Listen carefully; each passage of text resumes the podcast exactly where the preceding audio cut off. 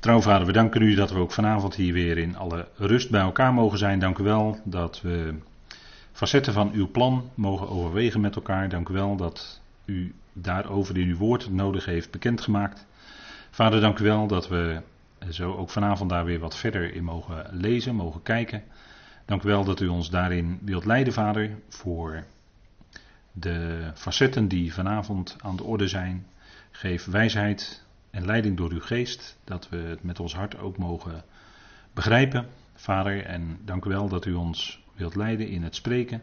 Mogen het woorden zijn tot opbouw, tot bemoediging, Vader. En dank u wel voor dat wat u heeft tot stand gebracht al 2000 jaar geleden door uw zoon te geven, Vader. Dank u wel dat dat een bijzondere gebeurtenissen zijn geweest en dat we daar ook vanavond wat naar mogen kijken. Vader wil daarin die wijsheid geven die nodig is, de rust. Vader, dank u wel voor datgene wat u vanavond ons wil aanreiken. Dank u wel dat u roept, dat u wereldwijd dat lichaam van Christus uitroept in deze tijd en dat we een bijzondere toekomst hebben. Dank u wel, Vader, dat u ook met uw volk Israël een plan heeft en via uw volk ook met de volkeren hier op aarde. Dank u wel dat we zo die aspecten van uw plan hebben mogen leren kennen in de afgelopen jaren, Vader. Dank u wel dat zoveel bekend is gemaakt en dat we rechtstreeks uit uw woord zelf kunnen leren. Vader, geef ons ook dat zo vanavond. We danken u daarvoor. In de machtige naam van uw geliefde Zoon, onze Heer Christus Jezus. Amen. Goed, wij uh, kijken vanavond voor de zesde keer alweer naar uh, Gods plan omvat alles. Dat is ons onderwerp. En de vorige keer zijn we gebleven bij Abrahams geloof. Abraham was toch wel een bijzondere figuur die uh, toen in die tijd geroepen werd uit Ur of Ur der Galdeën. En iemand uit een uh, zeg maar totaal uh, omgeving waarin de maan Gods zin bijvoorbeeld werd vereerd en dergelijke. Maar God riep hem en Abraham geloofde en hij ging op weg. En we hebben de eerste keer van Abrahams leven, dat was de vorige keer, gekeken naar wat je zou kunnen zeggen. Het eerste deel van Abrahams leven waarin vooral zijn geloof zo sterk naar voren komt. Helemaal los van welke voorwaarden of werken dan ook. En we gaan vanavond dan eerst kijken naar facetten uit een later, latere fase van zijn leven. En dat gebruikt Paulus ook als onderscheid in Romeinen 4 bijvoorbeeld. Maakt Paulus heel duidelijk onderscheid in de periode voordat Abraham besneden werd en de periode daarna.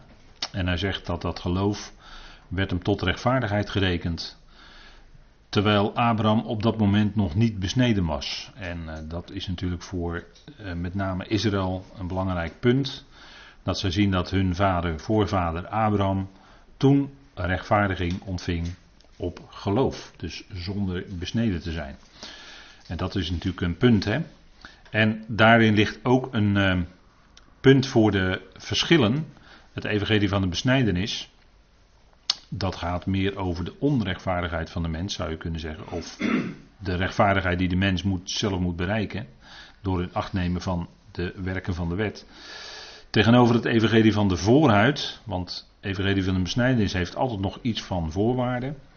Maar het evangelie van de voorhuid, dat door Paulus wordt verkondigd.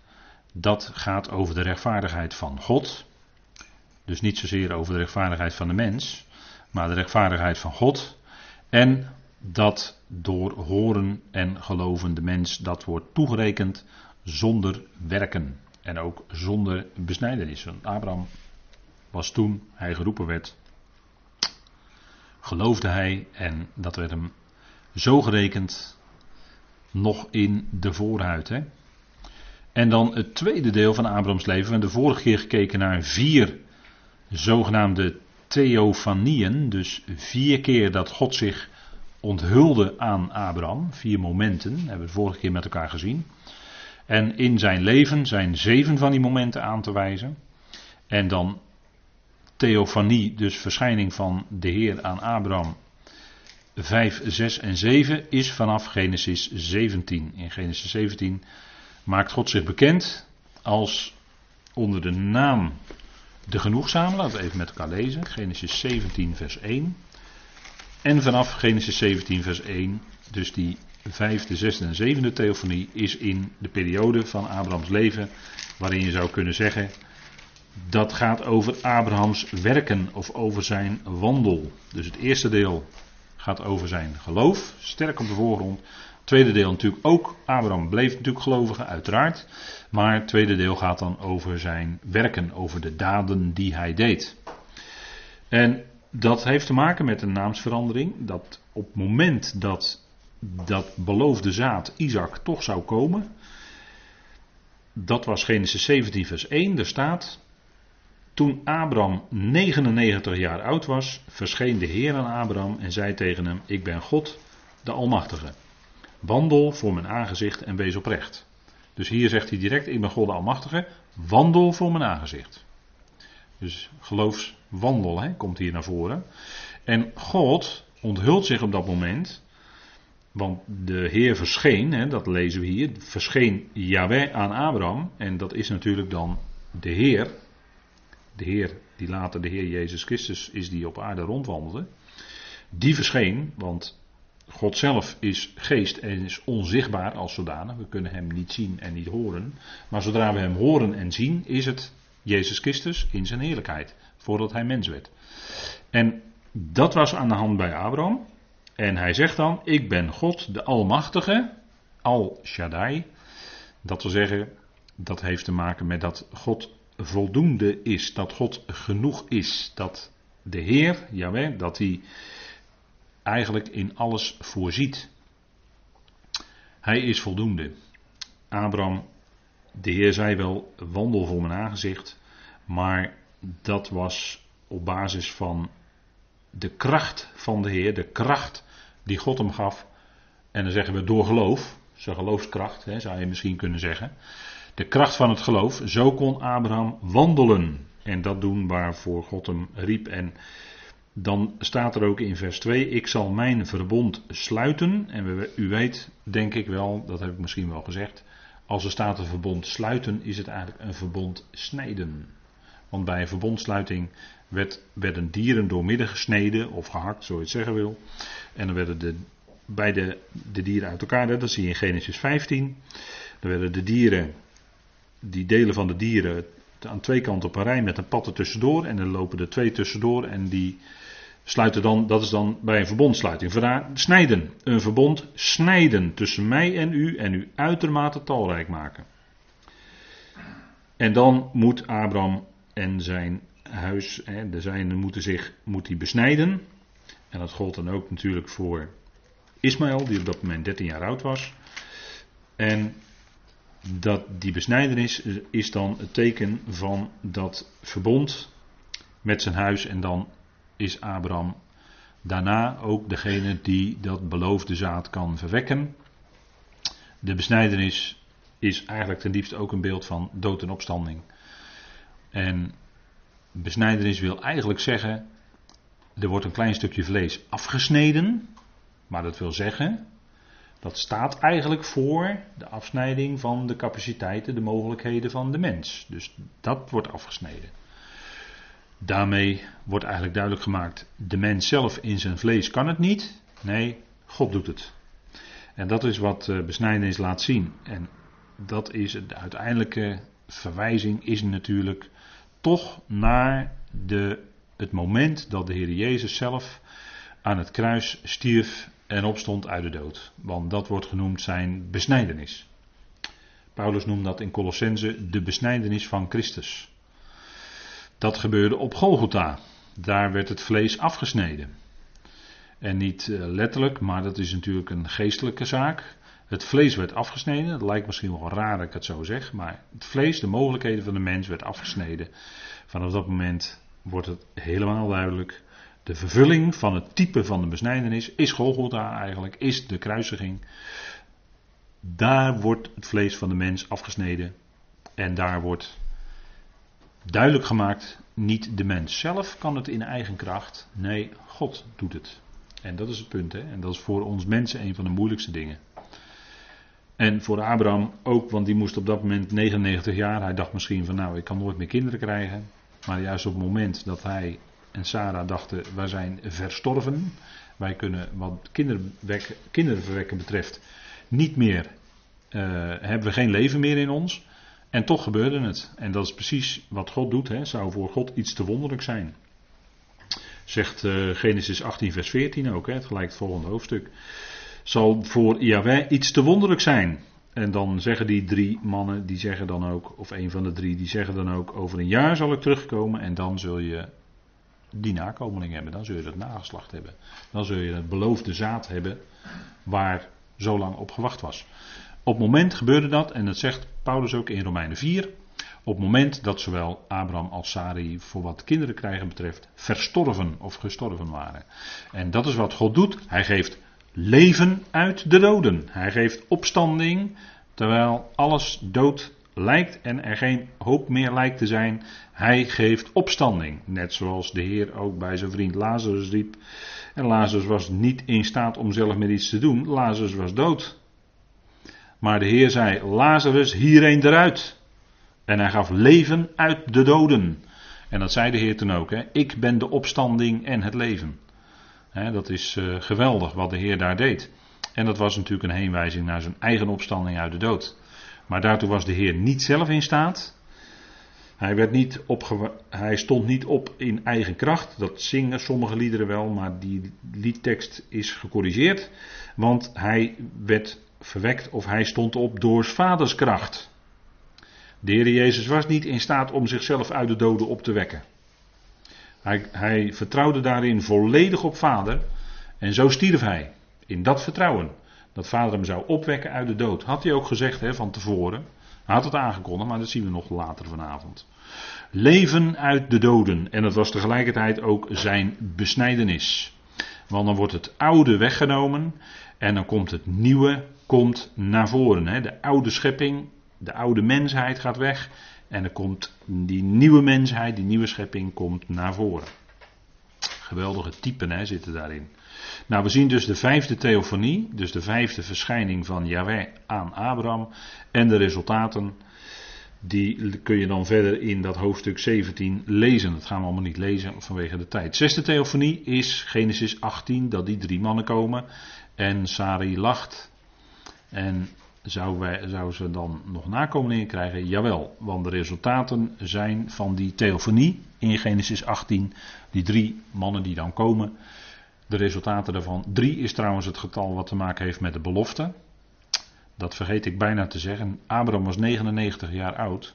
En dat lijkt misschien wel raar om zo te zeggen, maar dat is 3 keer 33. Heb je allemaal drieën. Dat is niet toevallig. Want 100 is de vervulling van de 10. En de 10 heeft te maken met het woord. God spreekt in 10 woorden, bijvoorbeeld in Genesis. En de 10 woorden in Exodus. En zo zijn er nog meer plaatsen aan te wijzen. Als God spreekt, heeft dat te maken met de 10. En de vervulling van de 10 is geloof. En dat is 100. 10 keer 10. Dat is de vervulling van de 10. Dat is 100. Dat heeft te maken met geloof. Heeft te maken met de komst van iets nieuws. En daar zijn nog wel meer voorbeelden van te noemen hoor. Het lijkt misschien een detail, maar toen de Heer gezalfd werd, gebeurde dat met, met 100. Hè? Die nardusmeren, dat was 100. 100 pond geloof ik, werd er gezegd. Kostbare nardus. 100. Dat heeft alles te maken met de komst, de vervulling van geloof. En dat was ook bij Abraham toen hij 99 jaar oud was. kwam de vervulling van de belofte. En bij de 100, toen hij 100 jaar oud was, werd Isaac geboren. Dus daar heb je hem, hè, de 100. En dat komt wel op meer plaatsen voor in de schrift. Genesis 19 en dan is, zien we ook de derde afwijking van Abraham. Afwijking, om zo maar te zeggen, afwijking van de pad van het geloof. In Genesis 21. En dat is dat Ismaël wordt weggestuurd. Hè? Ismaël weggestuurd. Ismaël ook een nakomeling van Abraham. En we hebben natuurlijk vandaag de dag nog steeds die tegenstelling daar tussen de Ismaëlieten in het Midden-Oosten. Tussen de nakomelingen van Ismaël en de nakomelingen van Isaac.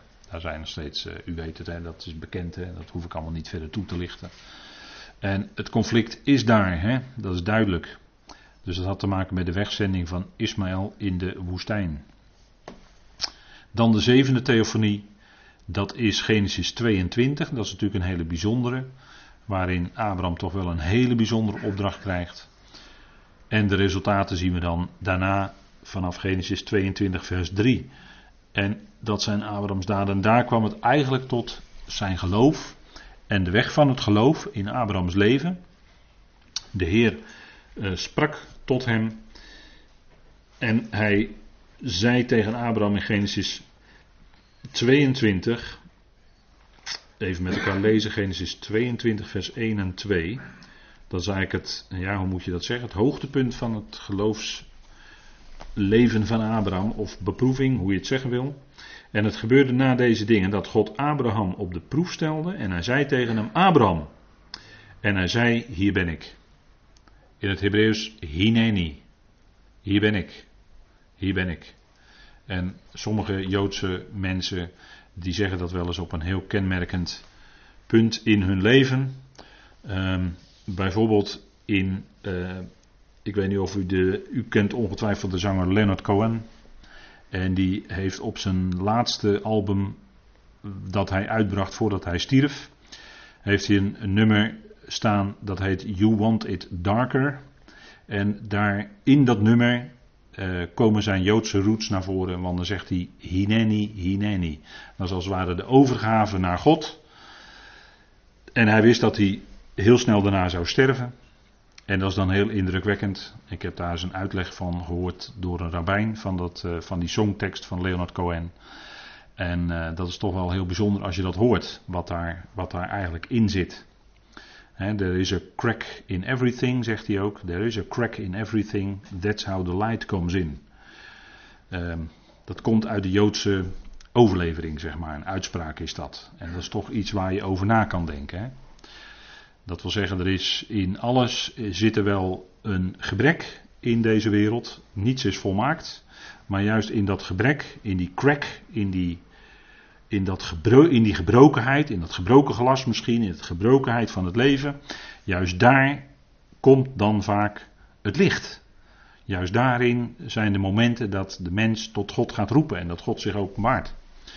En daarom nam hij ook op in zijn songtekst, You want the darker, Hineni. En dat staat hier in Genesis 22 vers 1.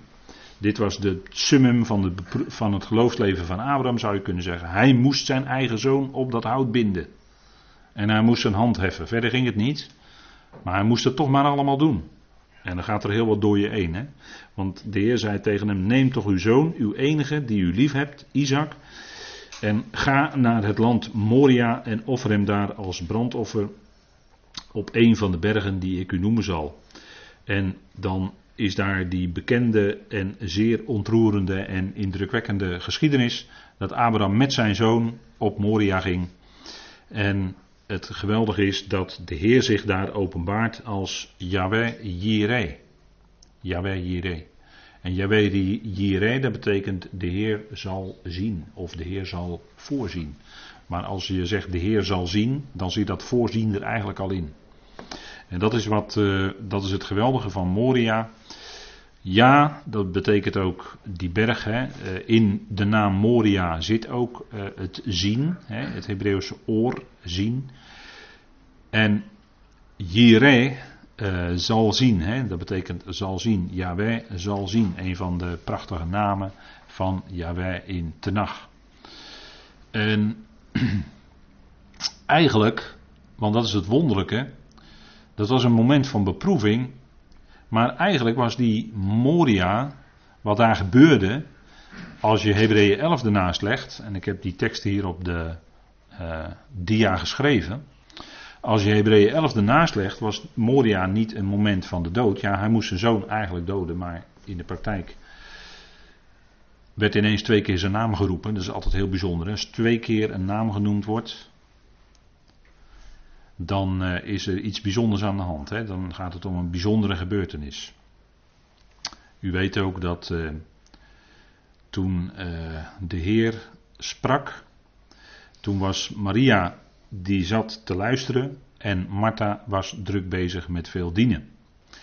En toen zei de Heer op een gegeven moment, dat is een korte geschiedenis in Lucas 10, toen zei de Heer Martha, Martha.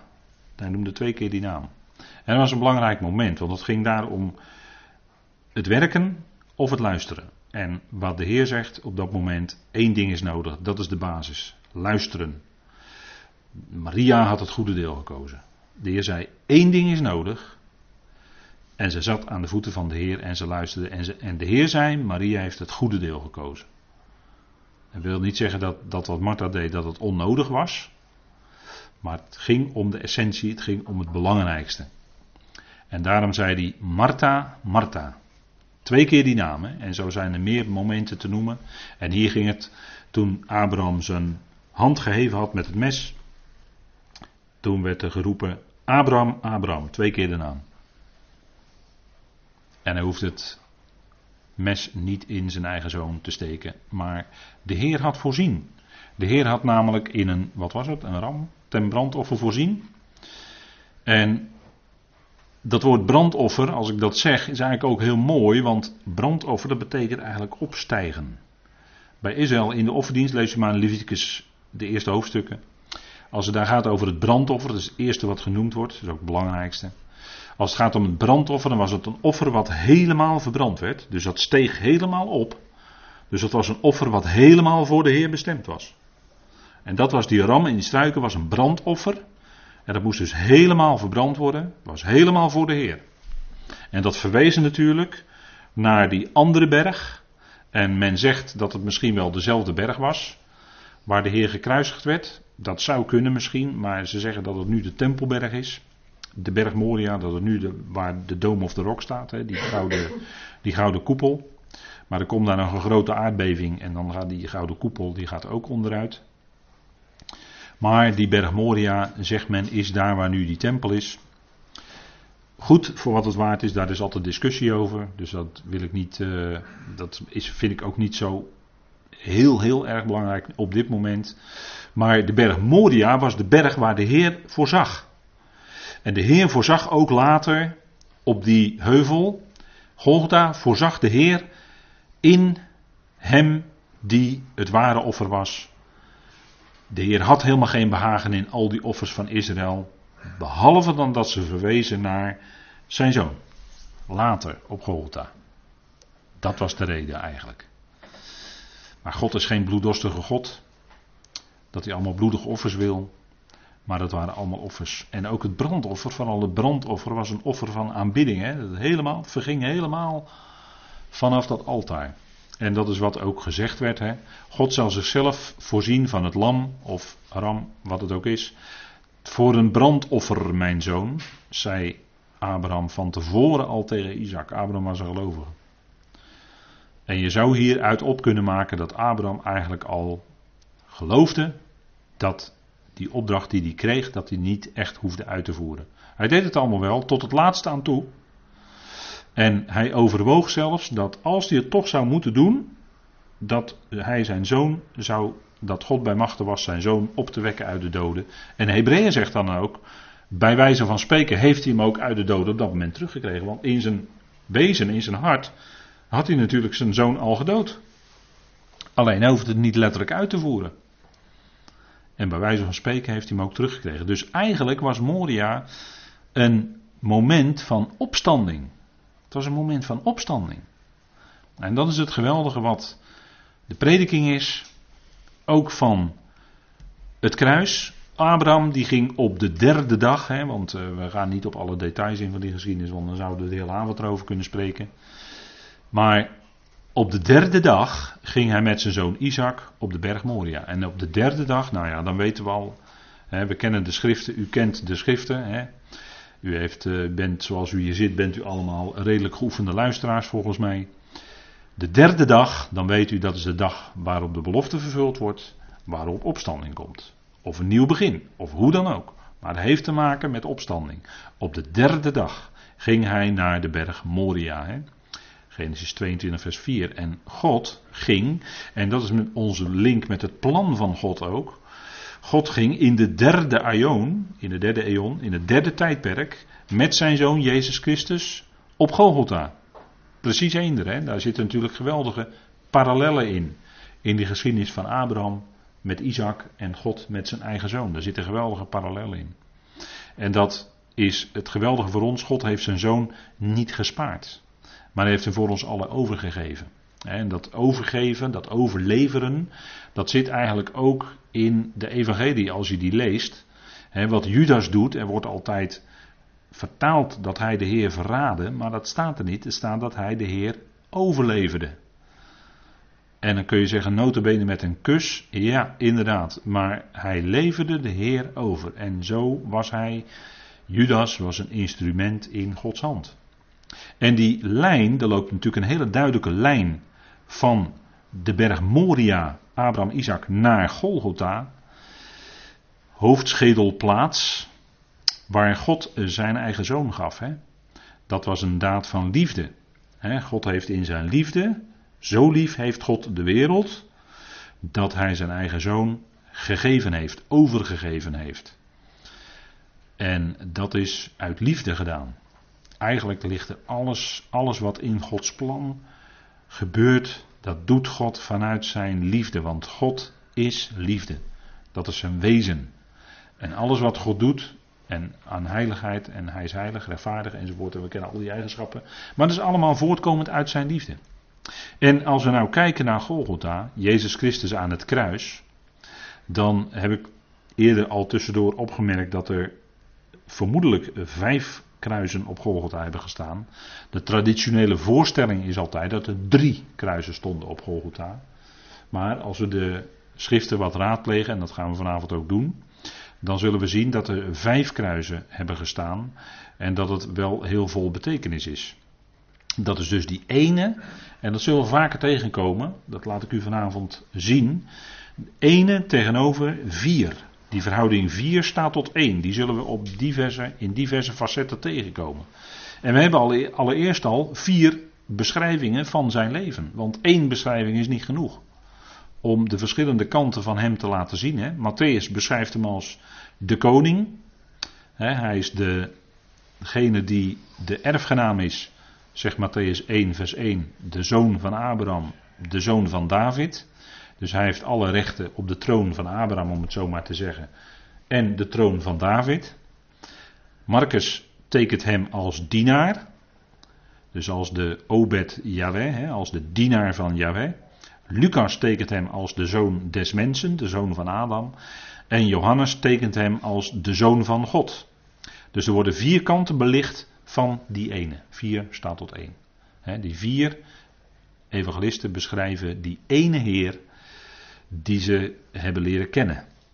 En deze foto die u hier ziet is Les Saint-Croix in Plouberze in Frankrijk. Dus als u op vakantie in Frankrijk bent, kunt u daar een bezoekje brengen. Ik weet niet precies waar het is, misschien Normandië, maar ik weet het niet. Ik weet het niet. Zijn lijden, dat is ook wel opvallend. Hij kondigde zelf zijn lijden, sterven en opwekking uit de dood kondigde hij vier keer aan. Dat is ook wel opmerkelijk, hè? Misschien heeft hij het vaker gedaan, maar er wordt vier keer verslag van. In het verslag van Matthäus wordt het vier keer aangekondigd.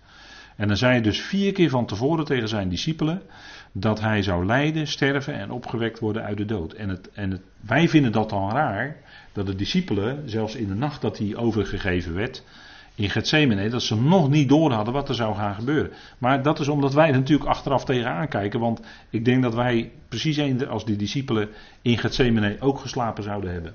Na zo'n maaltijd en na zo'n vermoeiende dag. En eh, die maaltijd was een speciale maaltijd natuurlijk, het zedermaaltijd, werd ook wijn bijgedronken. Dus dan kunt u zich wel voorstellen dat na zo'n vermoeiende dag en zo'n maaltijd, dat je dan in slaap valt. Terwijl de Heer de moeilijkste uren meemaakte voorafgaand aan de kruisiging. Maar dat is, wij weten het allemaal achteraf. En ik denk dat wij helemaal niet zoveel anders dan de discipelen gedaan zouden hebben hoor. Want op een gegeven moment, toen het erop aankwam, hè, toen er zo'n grote bende kwam in Gethsemane, hè, toen vluchtten ze allemaal weg. Zou u en ik het anders gedaan hebben? Ik denk het niet. Ik denk dat ze net als die discipelen ook weggevlucht waren. kwamen ze met de grote bende hè, van de, vanuit de overpriesters en uh, met, met stokken en zwaarden enzovoort. Maken dat je wegkomt. Logisch, hè? heel logisch allemaal. Laten we niet te snel moraliserend over de discipelen praten. Want uh, als je goed over nadenkt, kon er wel eens uh, een gewone normale menselijke reactie zijn. Hoe bijzonder hij ook was, hoe bijzonder hij ook gesproken had tot op dat moment. Hij had wonderen en tekenen gedaan, zeker. En ze waren gevolgd, drie jaar lang. Maar toch toen het erop aankwam, waren net gewoon mensen. Waren net gewoon mensen.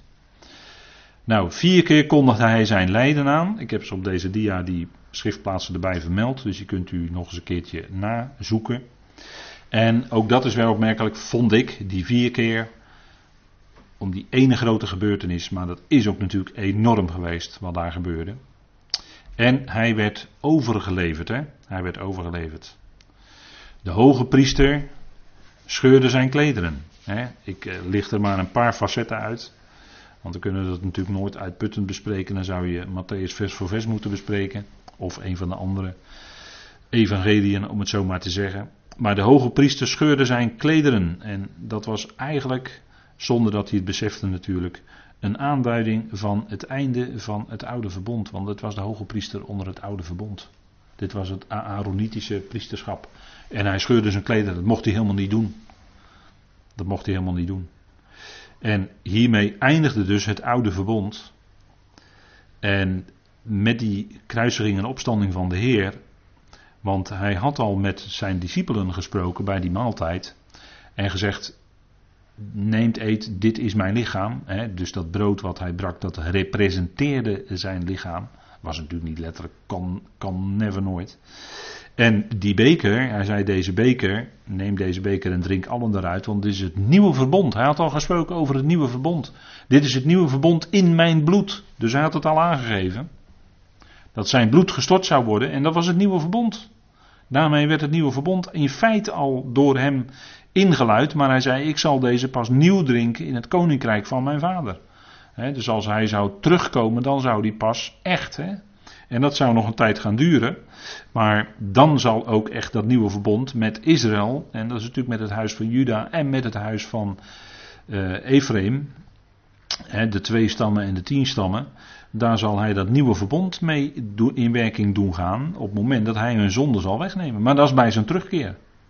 En dat is natuurlijk op basis van het door hem gestorte bloed, hè, zijn lijden en sterven. En hiermee eindigde dus het Aaronitische priesterschap. De Heer Jezus kon zelf geen priester zijn, want hij was uit de stam van Juda. En in de Hebreeën wordt, in Hebreeën wordt natuurlijk later duidelijk gemaakt dat hij koning en priester is geworden naar de ordening van Melchizedek. En dat koninklijk priesterschap zal hij ook in de komende aion uitoefenen.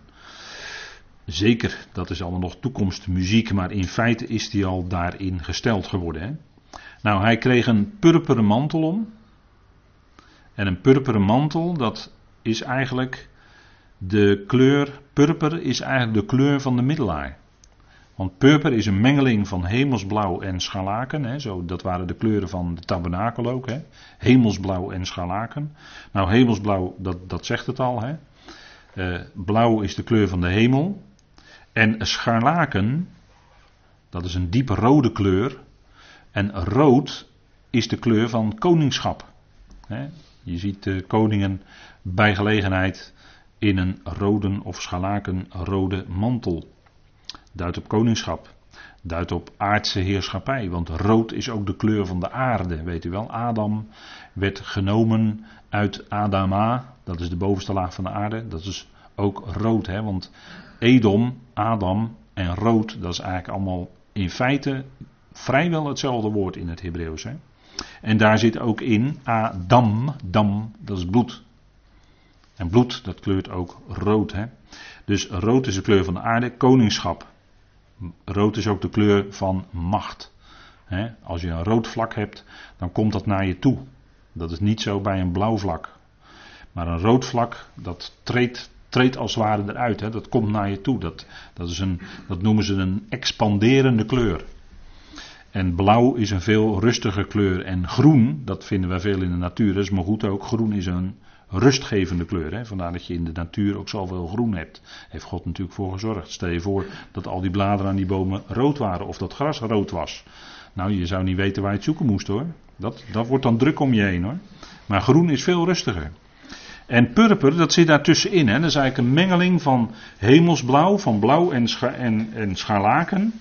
En purper is de kleur van de middelaar. En dat is wat, wie hij is. Hij is de middelaar. Hij is de middelaar tussen God en de mens. De mesites in het Grieks, de middelaar. Hij is daartussenin. Hij is de middelaar die de mens bij God brengt en die God bij de mens brengt. Hij kreeg een rietstok of een staf in zijn rechterhand. Hè? Maar een stok of een staf, dat is wat staat en dat symboliseert eigenlijk niet alleen macht of dat je uh, richting aangeeft, maar dat symboliseert ook opstanding. Iemand die opgestaan is, die staat rechtop. En daar spreekt de stok en de staf van. Hè? Nou, riet. Riet, dat heeft iets te maken met papier. Hè? In, uh, in de tijd dat het toen de tijd geschreven werd, werd er geschreven op papyrus. Dat was een soort riet. En daar schreef men op. Dus dat, heeft iets, dat zegt iets over het woord. Hè? Het woord van God met name natuurlijk. Wat opgeschreven werd. En de rechterhand, die kreeg in zijn rechterhand. En, de rechterhand in de Bijbel, de rechterhand is natuurlijk altijd een teken van macht, van kracht. Hè? Gods machtige rechterarm, dat wil zeggen, dat is de plaats van macht. Hij is nu gezeten aan Gods rechterhand. Dat wil zeggen, de plaats van macht. De rechterkant is de goede kant, hè, de plaats van macht. De linkerkant in de Bijbel is nooit zo, uh, nooit zo geweldig hoor. Dat is altijd, uh, dat is nooit positief. Hè. Dus links en rechts, dat is vandaag de dag nog steeds een tegenstelling natuurlijk. Hè. Dus hij, en hij werd bespuwd en bespot hè, op dat moment. En hij onderging dat allemaal in een koninklijk zwijgen. Even een aantal facetjes hè, van wat zo gebeurt. En nog een paar details die we lezen zo. En misschien gaat u, bent u al deze tijd wat meer aan het lezen in de Evangelie, omdat het uh, de tijd van het jaar is. Ik zeg altijd van, wij spreken het, liefst het hele jaar door over de opstanding. Want het is nu natuurlijk niet alleen aan een bepaalde tijd van het jaar gebonden. Maar goed, dat is nu eenmaal uh, wanneer mensen er meer aandacht aan geven. Zij presten Simon van Cyrene om het kruis te dragen. En in Simon, Simon betekent de, degene die hoort. Hè. Simon is horen. En dat is dus degene die hoort, is eigenlijk een beeld van de gelovige. Hè. Simon van Cyrene. Cyrene was overigens een plaats in uh, het huidige Libië, waar uh, een behoorlijke grote Joodse gemeenschap was. Zelfs wel een kwart van de stad wordt er gezegd. En daar was ook een invloedrijke synagoge, zelfs een Sireense synagoge, in die tijd in Jeruzalem. Dus dat was nogal een belangrijke, uh, belangrijke groepering daar in, in Libië. En op de Pinksterdag, moet u maar eens lezen, daar hoorde men ook in hun taal spreken. Hè? De sirenes waren daar ook bij, die worden daar apart ook genoemd.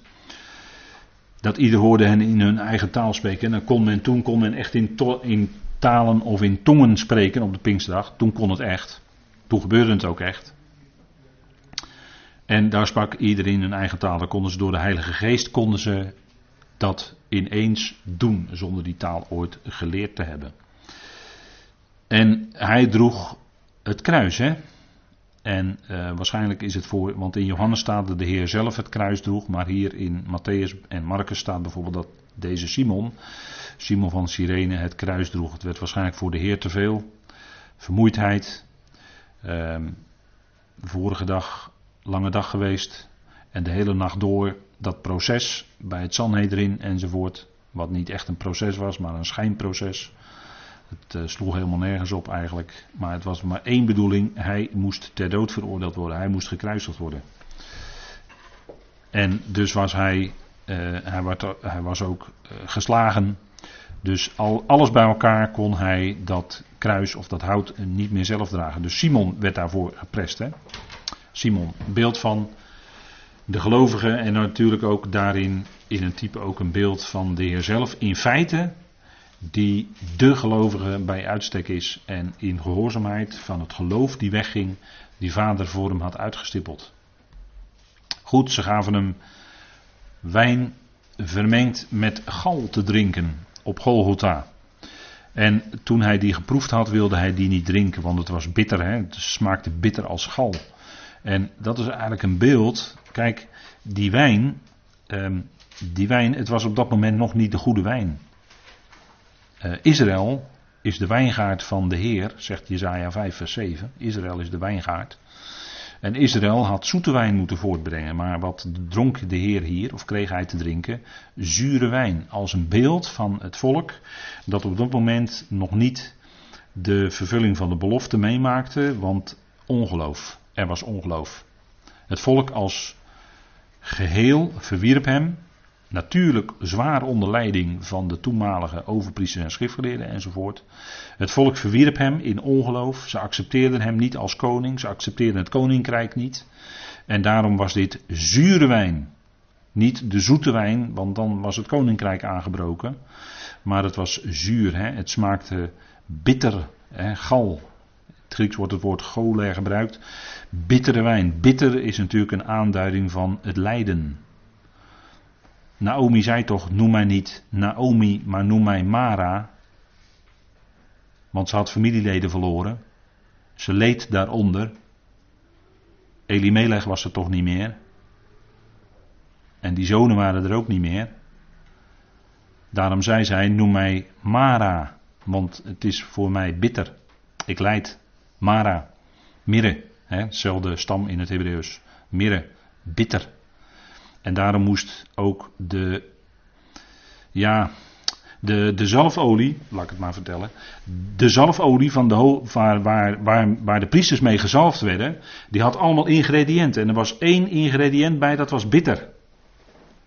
En natuurlijk, die olie was een type van de Heilige Geest. Maar als de Heilige Geest in een mensenleven werkt, in deze, laat ik maar zeggen, oude wereld, dan is dat niet alleen een weg die zoet is, maar die ook bitterheid met zich meebrengt. Het lijden. En daarom moest de Heer een diep lijden doormaken. Hij leed sowieso al toen hij te midden van zijn volk was, onder het ongeloof, onder de zonden van zijn volk. Want dat zegt Matthäus ook in Matthäus 1 vers 21. Daar noem zijn naam Jezus, want hij zal zijn volk verlossen van hun zonden. Hij kwam, hij kwam ze redden. Hè? Hij kwam als redder. Maar om, om te kunnen redden moest hij een heel diep lijden doormaken. Dat is Mara, dat is midden, dat is bitterheid. En daarom was een, een van die ingrediënten van de zalfolie was ook uh, met, met bitterheid. Hè? Daar zat een bittere stof in. Dat symboliseert het lijden. Hij, was, hij zou de ware profeet, priester en koning zijn. En hij werd gezalfd door vader zelf met heilige geest en niet met mate maar met veel geest. Maar hij moest ook een heel diep lijden doormaken. Vandaar wijn vermengd met gal, hè, dat smaakte bitter. Hij wilde die niet drinken. En het symboliseerde het feit dat het volk hem, er was geen zoete wijn. Het volk verwierp hem. En daarom kwam hij daar op die hoofdschedelplaats. Hè. Golgotha betekent hoofdschedelplaats. En op die ene plaats kwam eigenlijk alles samen. Hè? Het lijden, daar zou het lijden van de Heer zijn hoogtepunt, of ja, hoe moet je het zeggen, zijn dieptepunt bereiken, of hoogtepunt, of zo, zo u wilt. En toen kwamen ze daar op de plaats genaamd Schedel, en zij kruisten hem daar met de misdadigers. En nu gaan we tellen. één aan zijn rechter en ander aan zijn linkerzijde.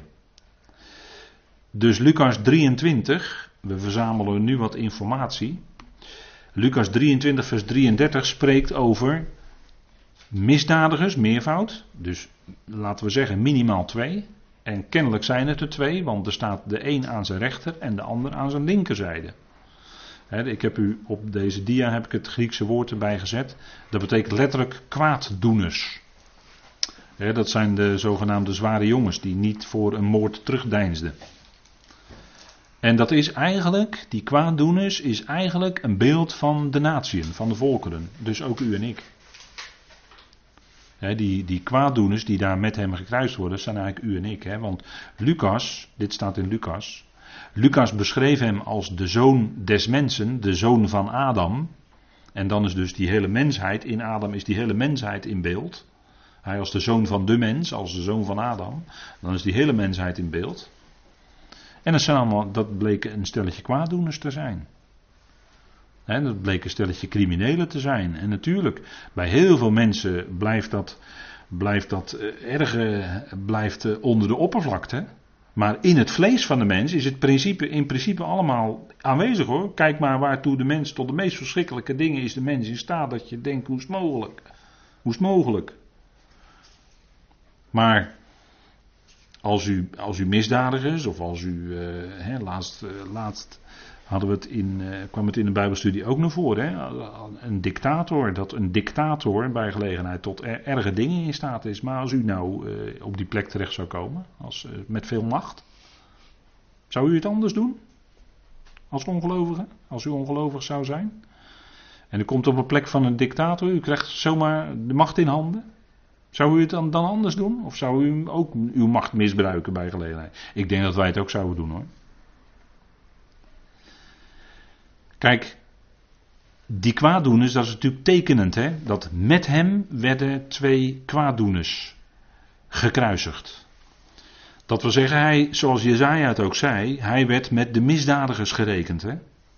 Hij werd gerekend met, hij was het niet, hij was zelf zonder zonde, de Heer.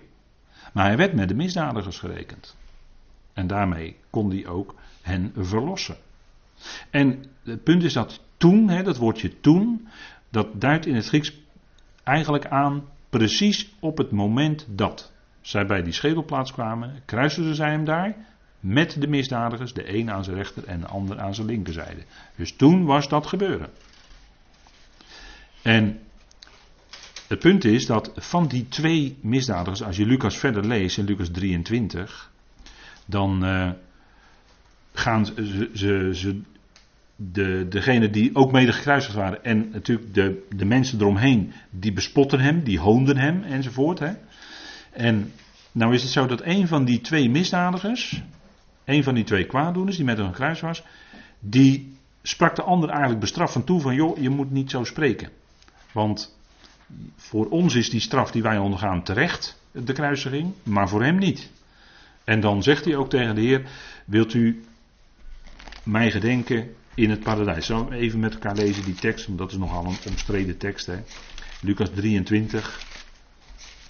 Lucas 23, vers. Uh,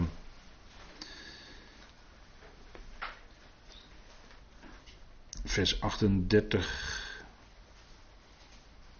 vers 39. Lucas 23, vers 39, lees ik even met u. En een van de misdadigers die daar hingen, lasterde hem en zei: Als u de Christus bent, verlos uzelf en ons. Maar de andere antwoordde en bestrafte hem: Vreest u zelfs God niet, nu u hetzelfde vonnis ondergaat? En wij toch rechtvaardig, want wij ontvangen overeenkomstig wat wij gedaan hebben. Maar deze, het hoofdletter, heeft niets onbehoorlijks gedaan. En hij zei tegen Jezus: Heer, denk aan mij als u in uw koninkrijk gekomen bent. En Jezus zei tegen hem: Voorwaar, voorwaar, ik zeg u heden, u zult met mij in het paradijs zijn. En al lezend zeg ik de komma dus na het woord heden. Maar in de grondtekst staan helemaal geen leestekens. Hè? Maar de Heer gaf hem een belofte, niet dat hij direct met de Heer naar de hemel zou gaan na het sterven, want dat is waar de Bijbel het helemaal nergens nooit over heeft. De schrift, de Tenach, hè, vanuit de Tenach wordt het duidelijk, en de rest van de schrift ook, dat dood dood is. Dat er in de dood geen bewustzijn is. Prediker 9, vers 5 en vers 10, bijvoorbeeld. Dat zijn belangrijke schriftplaatsen waarin dat staat. En we kunnen nog met een hele lijst schriftplaatsen aanvullen hoor. Maar in de dood is geen bewustzijn. De doden weten niets. En als het anders als er teksten zijn of schriftgedeelten waarin het anders lijkt, is het beeldspraak. Kijk, Jona, bijvoorbeeld Jona, laat ik één voorbeeld noemen. Jona. Jona, dan staat er van Jona, hij riep vanuit het Sheol. Maar het klopt ook, precies, want in de Bijbel is het Sheol ook als je onder water bent in die zee. En Jona zat in die grote vis in de zee, maar Jona leefde in die vis. Hij leefde. Alleen die vis die spuwde hem weer op, op het strand. Die moest hem niet. Maar hij leefde in die vis, dus hij riep, vanuit, hij, hij riep inderdaad vanuit het Sheol, vanuit, hè, hij was onder dat wateroppervlak en de Bijbel ziet dat ook als Sheol, als niet waarneembaar, daar ben je er niet meer. Maar hij riep daar, dat gebed hè, in Jona, en de Heer zorgde ervoor dat die grote vis hem weer op het land uitspuugde en alsnog kwam hij in Nineveh. Nineveh, wat eh, toen op een gegeven moment ook weer werd opgegraven. Dat heeft natuurlijk wel. Tuurlijk heeft dat echt bestaan, ja, tuurlijk. Maar dat, dat werd later ook opgegraven. Dat is allemaal eh, ook, ook via archeologie aangetoond. Maar het hoeft allemaal niet. In de schrift is, de schrift is gewoon betrouwbaar. Maar die kwaaddoener aan het kruis, die vroeg. Heer, denk aan mij als u in uw koninkrijk gekomen bent. En dan zegt Jezus tegen hem: Voorwaar, ik zeg je heden je zult met mij in het paradijs zijn. En nou kun je afvragen waar is dat paradijs? In ieder geval is dat een plaats vanuit het woord heeft te maken met iets, een, een mooie beschermde plek. Uh, vanuit, het, uh, vanuit het Persisch betekent het woord paradijs een park, een mooi park. En het woord paradijs wordt bijvoorbeeld gebruikt voor de nieuwe aarde. Dat de belofte die gegeven wordt en op de nieuwe aarde, in de beschrijving van Openbaring 22, wordt er gesproken over het paradijs, waarin dan het geboomte van het leven zal staan. Wat twaalf keer per jaar vrucht zal dragen. Geboomte van het leven. Daar is niet meer de boom van kennis van goed en kwaad. Daar is alleen de geboomte van het leven nog. En aan de overwinnaar in Openbaring 2, vers 7 wordt ook de belofte gegeven dat hij deel zal hebben aan dat paradijs op aarde. En natuurlijk, we weten, Paulus die zegt in 2 Korinthe 12 dat hij opgetrokken is geweest tot in de derde hemel, tot in het paradijs. Maar ook daar kan Paulus zelfs nog verwezen hebben naar de nieuwe aarde. Want de derde hemel, de derde hemelen en de derde aarde, dat is die nieuwe schepping. Hè? Dat is die nieuwe hemel en nieuwe aarde. Dat is de derde hemel en de derde aarde. In de volgorde. Dus ook daar kan zelfs Paulus nog verwezen hebben naar die nieuwe aarde. Dus het zou kunnen zijn dat de Heer hem de belofte gaf dat hij deel zal hebben aan die heerlijkheid op de nieuwe aarde. Want die kwaaddoener was een gelovige. Die had geen enkele werken. dat is mooi, het is een mooi beeld van de gelovigen van deze tijd. Ik zeg niet dat die kwaaddoener van het kruis bij de gemeente hoort, dat zeg ik niet. Maar het is wel een mooi beeld van de gelovigen van onze tijd, u en ik. Want deze kwaaddoener die had geen enkel werk waar hij zich op kon beroemen. Integendeel, hij hing aan het kruis en dat was terecht. Dat zeiden ze tegen elkaar, dat zij daar terecht hingen. Dus die hadden we wat op een kerfstok. Dus die hadden geen goede werken op grond waarvan ze konden zeggen: Nou, Heer, nou moet u mij wel toelaten in uw koninkrijk of in uw heerlijkheid. Integendeel zelfs. En dat, is ook, dat geldt natuurlijk ook voor ons. Hè? God schenkt ons en heeft ons genade geschonken. Wij hadden, ja, we hadden werken. Nou, dat, ja goed, we hadden werken, ja, maar dat was nogal bedenkelijk. Daarvoor zouden we juist geen verdiensten kunnen in rekening, eh, in rekening kunnen brengen bij God. Hè? We hadden juist geen werken. Net als die kwaaddoener aan het kruis, die had niks. Die kon alleen maar bidden, Heer, gedenk mij als u komt in uw koninkrijk. Hij geloofde. En de Heer gaf hem die belofte. Dat in, de, in ergens in de opstanding zal die ergens in een paradijselijke situatie komen. Hoe dan ook. Dat is natuurlijk geweldig. Hè? Nou, dat waren dus de twee misdadigers. Die werden met hem gekruisigd. En dan krijg je de volgende gebeurtenis die beschreven wordt. Dat is. Zij wierpen het lot op zijn kleding. Dus eerst werd hij gekruisigd en met hem die twee kwaaddoeners. Hebben we nu uit Lucas. En vervolgens wierpen zij het lot om zijn kleding. En daar hebben we weer die verhouding 1 staat tot 4, want er zaten vier soldaten en die wierpen het lot. En die kregen dus allemaal, alle vier één deel. Alleen er was één stuk kleding, en dan heb je nog een keer, want je zou kunnen zeggen, die vier soldaten ten opzichte van de Heer, 1 staat tot 4, die ene voor die vier, maar ook dat ene kleed was namelijk nog één kledingstuk van de Heer. Dat was uit één stuk geweven. En dat konden ze dus niet verdelen. Dus één kledingstuk uit één stuk geweven tegenover vier kledingstukken die over de vier soldaten verdeeld werden. En dat was een, waarschijnlijk een kostbaar kledingstuk. Maar dan zien we ook die verhouding van 1 staat tot 4. Hè, wat we al een paar keer hebben gezien nu. Hè? Dat is toch wel bijzonder. Zij wierpen het lot. Stond in de psalm. Hè? Psalm 22 vers 19. Stond profetisch geschreven. En dat is wel aardig als de evangelisten dat aanhalen. Dan zeggen ze soms zoals geschreven is door de profeet. En dan halen ze een psalm aan. Dat vind ik wel leuk. Want de psalmen zijn ook profetisch, hè, natuurlijk. En als u het mij vraagt, dan zijn niet alleen de psalmen 22 en 69 en 40 en 2 en 1 messiaans, maar als u het mij vraagt, zijn alle psalmen messiaans. En daar is ook wel een, uh, daar zijn meerdere redenen voor. Namelijk als je dat gaat bestuderen. Maar we beperken ons even tot nu even Psalm 22, vers 19. En ik lees even met u vanaf vers 18, Psalm 22. Daar staat: Al mijn beenderen zou ik kunnen tellen. En zij, zij zien het aan, zij kijken naar mij. De omstanders bij het kruis. En al mijn beenderen zou ik kunnen tellen. Dat, dat, dat zegt iets over de enorme lichamelijke lijden van het kruis. Hè? Dat je al je beenderen voelt. Want het was een enorm martelwerktuig.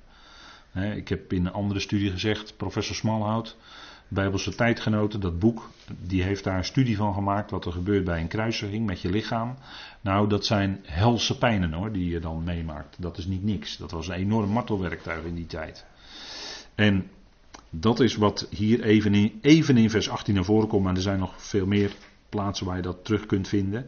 Maar dan staat er, zij verdelen mijn kleding onder elkaar en werpen het lot om mijn gewaad. Dus ziet u dat hier een, een heenwijzing wordt gemaakt naar mijn kleding en het gewaad. Dus die kleding die vier delen en het gewaad dat ene deel uit één stuk geweven. Hè? Dus we hebben ook weer die verhouding 4 staat tot 1 en het was geprofiteerd in de psalmen. En zoals er zoveel over de kruisiging en al die gebeurtenissen tot in detail in de profetieën en in de psalmen voorzegd is. Hè? En dat heeft allemaal zo zijn vervulling gevonden. En dat is echt niet omdat de evangelieschrijvers dat zelf dan als waren ze uh, alleen maar rationeel menselijk bezig, al die gegevens verzameld hebben, er een mooi verhaal van hebben gemaakt. Nee, dit is allemaal onder leiding van de geest van God geschreven. En zo, zo werd ook steeds geschreven, opdat vervuld werd wat door de profeet gezegd is. En er worden profeten en psalmen, Jezaja 53 is natuurlijk ook een hele bekende, hè? Wat, uh, wat vervuld werd dan zien we dat daarna de beschuldiging op het kruis wordt aangebracht. En dat gebeurde, en die stond er in drie talen. Hè, dat, eh, dat zijn zeg maar de drie wereldtalen van dat moment. In het Hebreeuws, in het Grieks en in het Latijn. En zoals het hier op dit bord is weergegeven, als je het Hebreeuws leest van rechts naar links, dan zie je daar Yeshua, Ha, We Melech, Ha Jehudim. En als je dan die eerste letters neemt, dan lees je JHWH. Dat is het zogenaamde tetragrammaton. Hè? Dus als het zo op het kruis heeft gestaan, dat bord, weet je natuurlijk niet 100% zeker, dan heeft daar de naam van Yahweh gestaan. De beginletters, hè? JHWH. Dus dat is toch wel bijzonder, denk ik. En dan, u kent misschien wel de aanduiding INRI. Dat betekent Jezus Nazarenus Rex Juderum of Judeerum. Dat betekent uh, Jezus de Nazarene, koning van de Joden. Hè? Dat is wat ze op het uh, kruis hadden aangebracht. En Pilatus had dat gedaan. En later werd hem gevraagd om dat weg te halen. Um, maar dat deed hij niet. En dit was natuurlijk allemaal spottend bedoeld. Maar het was gewoon de waarheid. Jezus de Nazarener is de koning van de Joden. Dat is de waarheid. Stond op het kruis, de waarheid. Hij werd daar gekruisigd. En helemaal als daar JHWH, als het zo in het Hebreeuws gestaan heeft, dan moet dat voor de Joden helemaal schokkend geweest zijn. Als ze dat hadden ontdekt, hè. Want dat is wat gebeurd is. En wat ze ook in de toekomst zullen zien naar Zacharia. Zij zullen zien wie zij doorstoken hebben. Dan zullen de twaalf stammen rouw klagen en zich op de borst slaan. Omdat ze hem zullen zien die zij doorstoken hebben natuurlijk, technisch gesproken waren het de Romeinen die hem gekruisigd hebben. maar Petrus zei, Petrus zei op de Pinksterdag dat het huis van Israël, jullie. zullen we even met elkaar lezen? Handelingen 2, vers 36. Dat was de Pinksterpreek van Petrus en die ging over de opstanding. Leuk hè?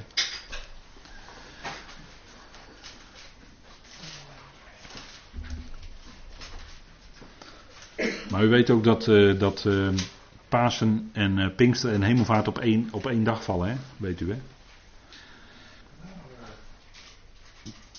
Pasen, Pinkster en Hemelvaartsdag op één dag. Die vallen op één dag. Ja. Zal ik u zo meteen, zal ik u dat zo meteen proberen ja. duidelijk te maken. We zien over naar jou, zit alleen maar Ja, hè? Handelingen 2 vers 36. Daar staat, laat dan heel het huis van Israël. Zegt Petrus, hè? Zeker weten dat God hem tot Heer en Christus gemaakt heeft. Deze Jezus die jullie gekruisigd hebben. Zegt Petrus tegen zijn volk, hè? Want hij zegt, laat heel het huis van Israël weten. Dus technisch gesproken hebben de Romeinen het gedaan. Maar in feite zegt Petrus hier dat het huis van Israël het gedaan heeft. Zo, zo ligt dat feitelijk. Hè? Zij hebben het gedaan. En natuurlijk waren het. Daarbij wordt Psalm 2 aangehaald dat zowel de, de, de vorsten van de, de volkeren vergaderd zijn. Tegen de Heer en zijn gezalfde. Hè, wordt ook hierbij aangehaald. Hè. En dat heeft natuurlijk nog. Dat was een voorvervulling. Wel een hele belangrijke vervulling. Maar de grote vervulling is in onze dagen. Hè. De natieën woelen en bedenken. Ja, niks eigenlijk. Hè. Ijdelheid staat er, dat is leeg. Dat is niks. Alles wat de natie bedenkt is leeg. Het leidt tot niks namelijk. En ze staan op tegen de Heer en zijn gezalfde. Wij zullen de boeien, wij zullen die touwen, die banden van ons afwerpen. En we zullen zelf wel het koninkrijk oprichten. Hè? We zullen zelf wel hier op aarde een paradijs maken. Hè? Dat, daar zijn we druk mee bezig natuurlijk. Het gaat allemaal prima hier in Nederland. We hebben het goed. We zijn gelukkig. We maken zelf het paradijs zonder God. We hebben prima naar ons zin zonder God hoor. We hebben het allemaal prima voor elkaar hier. Toch? Maar het zal blijken dat het toch allemaal niet zo prima is in de toekomst dan gaan natuurlijk hele andere krachten gaan loskomen. Maar goed. Hij werd gekruisigd. En dat gebeurde zowel door de Joden, door het huis van Israël, als door de Romeinen.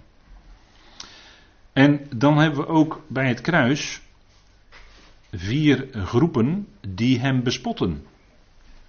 Dat wel, is u dat wel eens opgevallen? En natuurlijk, de omstanders bespotten hem, maar er wordt specifiek worden de vier groepen genoemd. Laten we even kijken in Matthäus 27. Dus die vier groepen die bespotten, en dat was heel, eigenlijk heel, heel tragisch, heel ernstig. Die ene die daar hing, hè. Matthäus 27. Matthäus 27.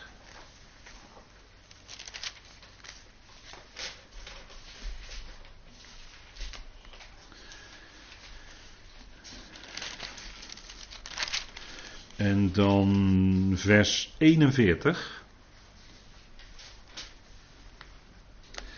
En evenzo spotten ook de overpriesters, samen met de schriftgeleerden en de oudsten en de fariseeën. Ziet u? Vier groepen. Vier groepen, leiding uit, uit onder andere het Sanhedrin van de Joden, die hem bespotten. Dus we hebben weer die verhouding 4 staat tot 1. Hè? Dus we zien dat het toch wel naar voren komt als je de beschrijvingen leest. En eigenlijk is het heel ernstig, want zij waren eigenlijk de top van de religie. Of de godsdienst die God zelf notabene, die Jawel zelf aan het volk Israël had gegeven. Zij waren de geestelijke leiders. En wat gebeurde? Zij bespotten degene die hun Messias was. Die de ware profeet is. De ware priester en de ware koning. Zij bespotten hem. Ze, hadden gezorgd dat hij aan het kruis kwam. Door een schijnproces. het, het, gebeurde bovendien s'nachts. En in de Talmud staat dat het Sanhedrin s'nachts niet zo'n uh, proces mocht voeren. Dat mocht in de nacht niet gebeuren. Dat moet overdag. Staat in de Talmud. Hè? Dus ze hielden zich zelf niet eens aan hun eigen Talmud. Hè? Om hem dus te kunnen kruisigen. Er, ging alles vooruit de kast. Alle, alle tradities en wetten gingen voor opzij. Uh, valse beschuldigingen werden aangenomen als echte beschuldigingen. Uh, alles werd overhoop gegooid. Hij moest gewoon gedood worden. Daar ging het om. En Caiaphas die had geprofiteerd. Hè, de Caiaphas, de hoge priester van dat moment. Maar die was door de Romeinen aangesteld. Dat was een politieke aanstelling. Die had geprofiteerd, het is beter dat één man sterft dan dat het hele volk verloren gaat. Dus ze offerden die ene op, omdat zij zelf dat hele volk onder zich konden houden. Hè. Dat was het uh, listige wat er allemaal bij zat.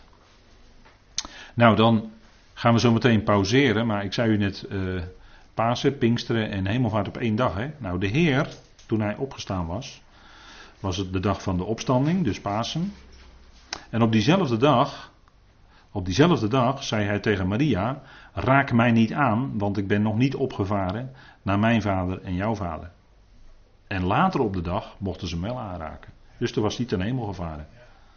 Dat was dezelfde dag, dag van de opstanding. En het derde is, s'avonds met zijn discipelen was hij in de bovenzaal. En hij blies op hen en hij zei, ontvang heilige geest. Pinksteren, uitstorting van heilige geest. Dus heb je Pasen, hemelvaart en Pinksteren op één dag. Moet u maar eens nagaan hè, in de Evangelie, het staat er allemaal. En dat is wel aardig, dat soort dingen. Maar we gaan verder kijken naar die kruisiging. En dan gaan we na de pauze met elkaar verder kijken wie er nog meer samen met hem gekruisigd werden.